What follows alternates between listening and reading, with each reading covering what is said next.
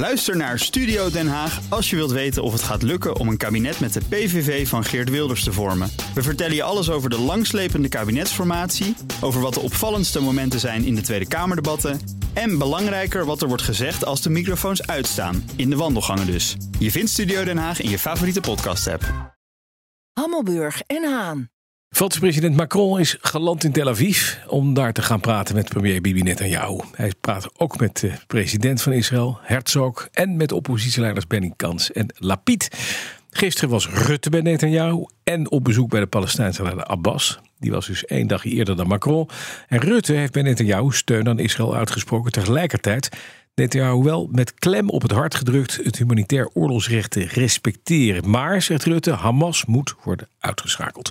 Zei hij bij Nieuwsuur. Omdat we hier te maken hebben met een terroristische organisatie waarvan het voortbestaan zou betekenen dat de hele staat Israël en uiteindelijk de hele regio kapot gaat. Dus dit moet worden uitgeschakeld. Uh, en tegelijkertijd is het zo belangrijk dat dat gebeurt op een manier dat die regionale escalatie niet plaatsvindt.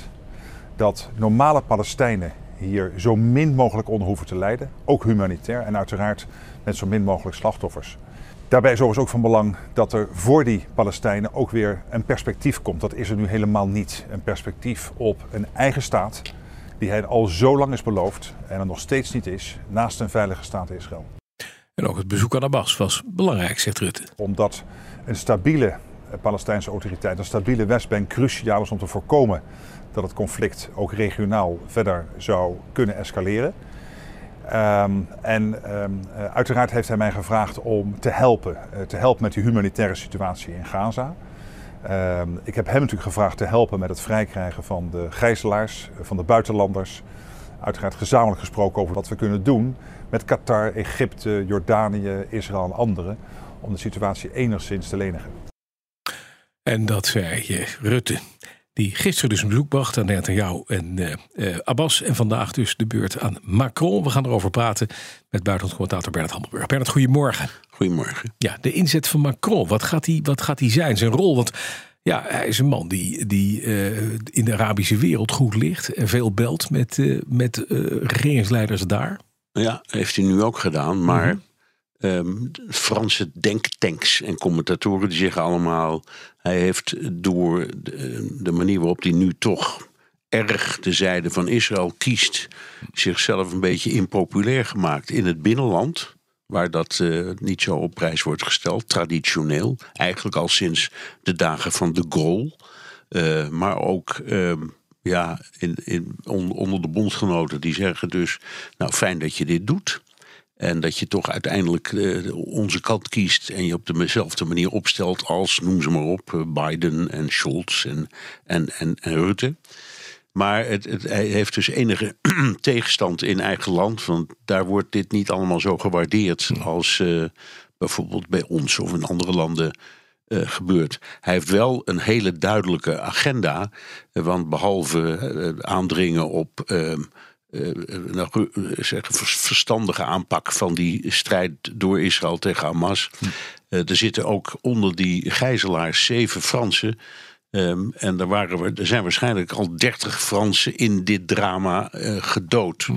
Dus de, van dat, dat in, in, puur menselijke zin uh, is het een hele nuttige uh, voorstelling, zal ik maar zeggen. Ja. Om, te, om te kijken vooral uh, of hij op de een of andere manier toch medewerking kan krijgen. Hm. De vraag of hij ook naar Abbas gaat, net als um, Rutte heeft gedaan, die is nog open. Uh, de Fransen zeggen waarschijnlijk wel, maar we weten het nog niet zeker. Mm -hmm. Ja, het was uniek, hè? want Rutte bracht echt een bezoek, fysiek bezoek aan Mahmoud Abbas. Uh, maar mooi, we hebben nu Rutte gezien. Sunak, Scholz, Biden, vandaag Macron. Allemaal roepen ze op tot terughoudendheid van Israël als het gaat om bijvoorbeeld het starten van een grondoorlog in Gaza.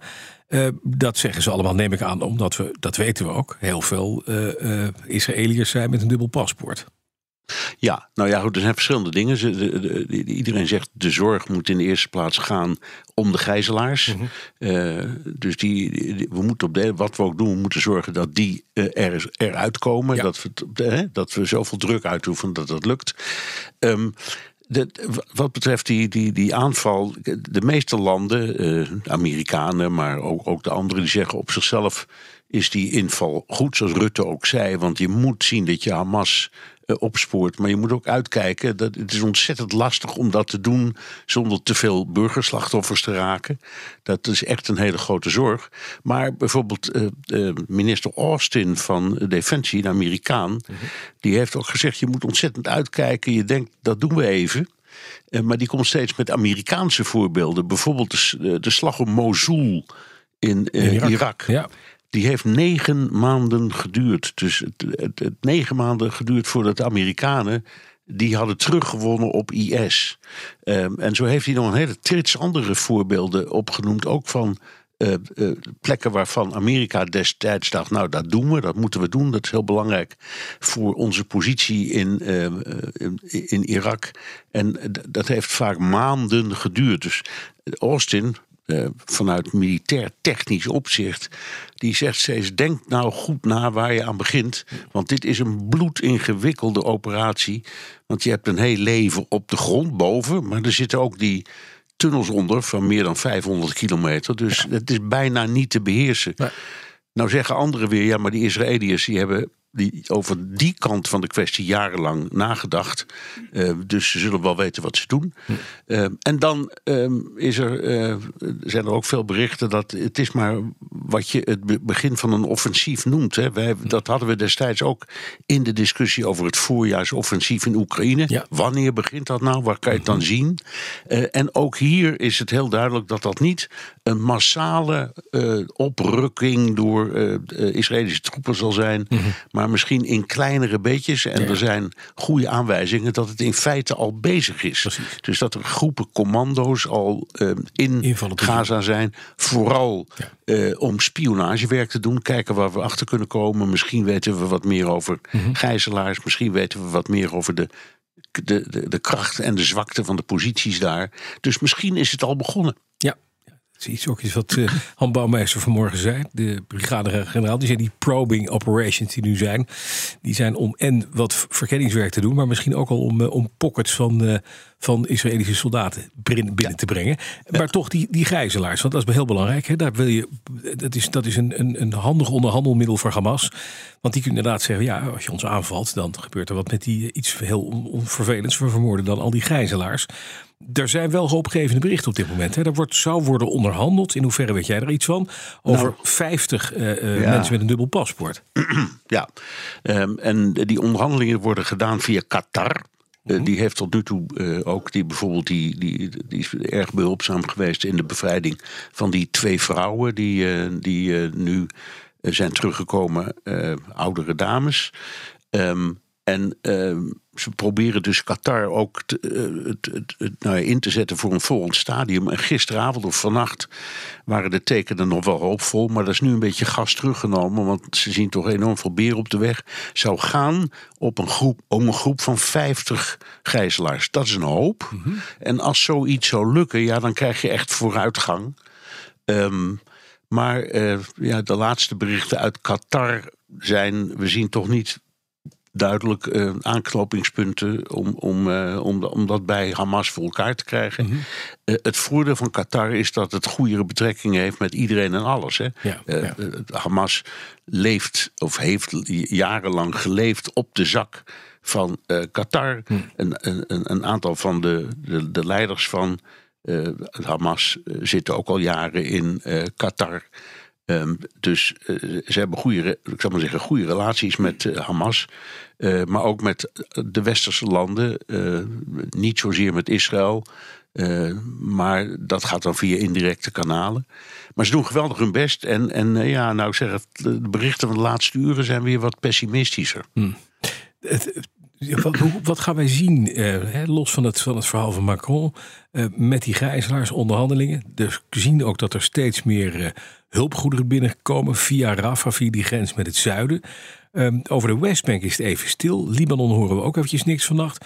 Hoe gaat dit nu verder ontwikkelen, Bernard? Is het nog steeds een, een lont in een kruidvat? Ja, het is nog steeds een lont in een kruidvat. En, en elke stap die je neemt, die, die, die kan leiden tot enorme drama's. Ja. Dus daar moet je heel uh, voorzichtig mee omgaan. Um, het beeld is dat grondoffensief zal er op de een of andere manier wel komen. Mm-hmm. Maar nog niet. de, de, de, de Amerikanen hebben ook weer opnieuw gisteravond en vannacht gezegd: take it easy. Niet te snel, rustig aan, goed overleggen wat je doet. Maar hebben de Amerikanen erbij gezegd: het moet niet zo zijn dat wij het voor ze uitmaken. Dat vond ik wel een verstandige opmerking, omdat er zijn weer allerlei eh, krachten, ook in de Arabische wereld, die zeggen: ah, ja, Israël loopt helemaal eh, aan, aan het handje van Amerika. En dat beeld wilden ze dan weer wegnemen. Ja. Ehm, dus ze zeggen ja, het moet waarschijnlijk op een bepaald moment moet het gebeuren. En zonder dat er echt een behoorlijke slag wordt geslagen tegen Hamas, kun je dit conflict niet oplossen. Maar ehm, ja, nogmaals, pas op dat je niet een enorm bloedbad aanricht. Ja. Ook onder je eigen mensen. Want dat is niet uit te leggen. hè, uiteindelijk aan je eigen volk. Duidelijk, dankjewel. Buitenlandcommentator Bernard Hammelburg. Ook Harm Edens vind je in de BNR-app. Je kunt BNR Duurzaam niet alleen live luisteren in de app, maar ook terugluisteren als podcast, zoals al onze podcasts.